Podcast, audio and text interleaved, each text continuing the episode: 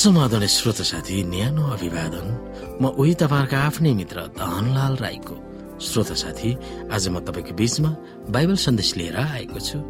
आजको बाइबल सन्देशको शीर्षक रहेको छ सावतले ल्याउने परीक्षा।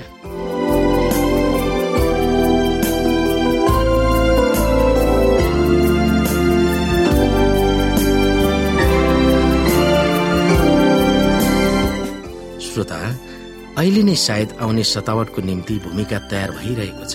जुन छ दुई हजार बाह्रमा पोप बेनिडिक्ट सोह्रौंले रोमको सेन्ट पिटर्स स्क्वायरमा भेला भएका पन्ध्र हजार मानिसहरूलाई एउटा घोषणा वा अनुरोध गरेका थिए। प्रत्येक मानिसले आइतबार नै विश्रामको दिन भनेर पालन गर्नुपर्छ र आफ्नो परिवार र परमेश्वरसँग रहन त्यो दिन स्वतन्त्र हुनुपर्छ भनेर बोलेका थिए। उनको भनाइ थियो आइतबारको पक्षमा उभिनु भनेको मानव स्वतन्त्रताको पक्षमा उभिनु हो। बाइबलले साबतको खिलाफमा यही दिन सबैले पालना गर्नुपर्छ भनेर उनले नउस्काए तापनि आइतबारलाई नै विश्रामको दिन हो भनेर उनले बताउँदा परमेश्वरको वचनलाई उनले कसरी सरासल उल्लङ्घन गरेका थिए भनेर बताउँदछ। ढिलो वा चाँडो आइतबारे कानून पारित गर्नेछ। आफ्नो स्वविवेक प्रयोग गरेर परमेश्वरको वचनलाई पछ्याउने र सत्य साबतलाई पालना गर्ने जनहरूलाई समाजको हितको विद्रोही भनेर दोषारोपण गरिनेछ। यस संकटको घडीमा परमेश्वर प्रति निष्ठा भएका जनहरूलाई उहाँको अनुग्रहले उहाँलाई नै पछ्याउने भन्ने विश्वासमा अडिग भएर बस्नेछन्। जुनसुकै दबाव र सतावटमा पनि तिनीहरूले आफ्नो आस्था त्याग्ने छैनन्। पशुको छापको विपरीत तिनीहरूले परमेश्वरको लाल मोहर छाप पाउनेछन्।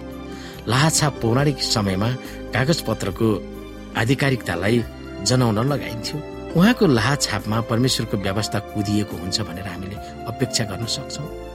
पौराणिक समयमा लाछाप देश वा सरकारको आधिकारिक चिन्ह थियो। अगमवक्ता एसियाले भन्छन् यो गवाई पत्र बाँधिदेऊ र यो व्यवस्था मेरा चेलाहरूका बीचमा बन्द गरेर त्यसमा मोहर लगाइदियो प्रस्थान बिस अध्यायको आठदेखि एघारमा के बाइबलीय तत्वहरू साबतको आज्ञाको छापमा छन्? सो हामी हेर्न सक्छौँ। साबत आज्ञाहरू सबै आज्ञाहरू भन्दा किन फरक छ? आउनु श्रोता हामी प्रस्थान बिस अध्यायको आठदेखि एघार हेरौँ।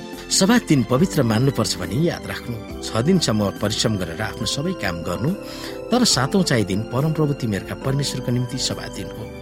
त्यसमा तिमीहरूले केही काम नगर्नु न त आफ्नो छोराले न छोरीले न कमारा कमारीले न गाई बस्तीले न मूल ढोकाभित्र भएको परदेशीले केही काम नगरोस्। किनकि छ दिनमा परमप्रभुले आकाश पृथ्वी समुद्र र तिनमा भएका सबै थोक बनाउनु भयो तर सातौं दिनमा चाहिँ विश्राम लिनुभयो।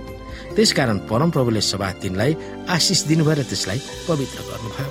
चौथो आज्ञामा परमेश्वरको अख्तियारको लाल मोहरो भनेर देखाउन तीन तत्वहरू समावेश भएका छन्। पहिलो छाप कसको हो भनेर देखाउँछ। तिम्रो प्रभु परमेश्वर दोस्रो छाप हुनुको दर्जा वा अधिकार हुनेको काम परमेश्वरले सृष्टि गर्नुभयो वा उहाँ सृष्टिकर्ता हुनुहुन्छ। तेस्रोमा छाप लाउनेको क्षेत्र आकाश वा नक्षत्रहरू र पृथ्वी समुद्र र त्यसमा भएका यावत थोकहरू। हामीलाई यहाँनिर प्रकाश सात अध्यायको एकदेखि तीन अनुसार परमेश्वरको लाल मोहरको छाप केवल हाम्रो निधारमा मात्र लगाइनेछ। यो हाम्रो चेतनशील दिमागको प्रतीक हो। हाम्रो आत्मा निर्णयको स्वतन्त्रतालाई यसुले सम्मान गर्नुहुन्छ। पवित्र आत्माद्वारा हाम्रा दिमागहरूमा उहाँको इच्छा बमोजिम ढालियोस् ताकि परमेश्वरको वचनमाथि राखिएका हाम्रो विश्वास नडगमगियोस् भनेर यसुले हामी सबैलाई आह्वान गर्नुहुन्छ। यसरी परमेश्वरका आस्थावानहरू सन्तहरू ती हुन् भनेर हामी बुझ्न सक्दछौँ। जसले आज्ञाहरू पालन गर्छन् र यीशुको विश्वास हुन्छ ती आज्ञाहरूमा चौथो आज्ञा पनि छ। जुन पशुको शक्ति वा रोमन क्याथोलिक चर्चले परिवर्तन गर्न सोचेको थियो। अहिले नै कुन परिस्थितिको सिर्जना भइरहेको तपाईँले देख्नु भएको छ जसले धार्मिक स्वतन्त्रतालाई खलबल ल्याउँदछ? केही बाधाहरू अझै हुन सक्छन् भनेर हामीलाई थाहा छ। ती कुरामा हामी विचार गर्न सक्दछौँ। श्रोत साथी हामी यहाँनिर प्रकाशको पुस्तक सात अध्यायलाई यहाँ हामी हेर्न सक्छौँ यसपछि पृथ्वीमा वा समुद्रमा वा रुखमा बतास नचलोस् भनेर चार स्वर्गदूतहरू पृथ्वीका चारै बतासलाई रोकेर पृथ्वीका चार कुनामा उभिरहेका मैले देखेँ। तब जीवित परमेश्वरको मोहर साथमा लिई अर्को एकजना स्वर्गदूत पूर्वबाट उक्लेका मैले देखेँ।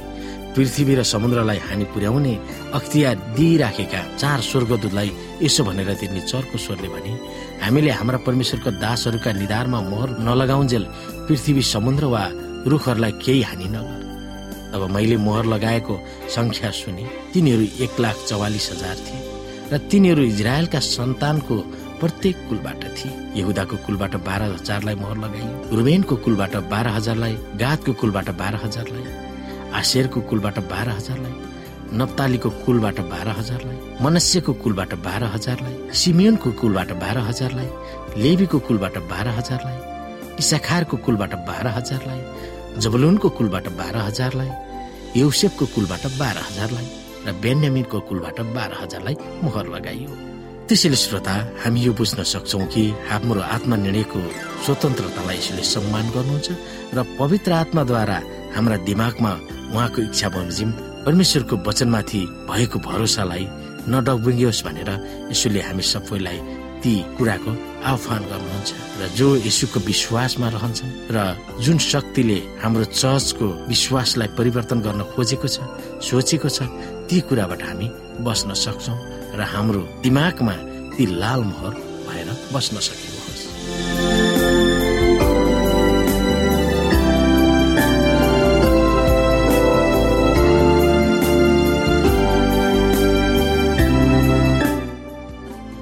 साथी।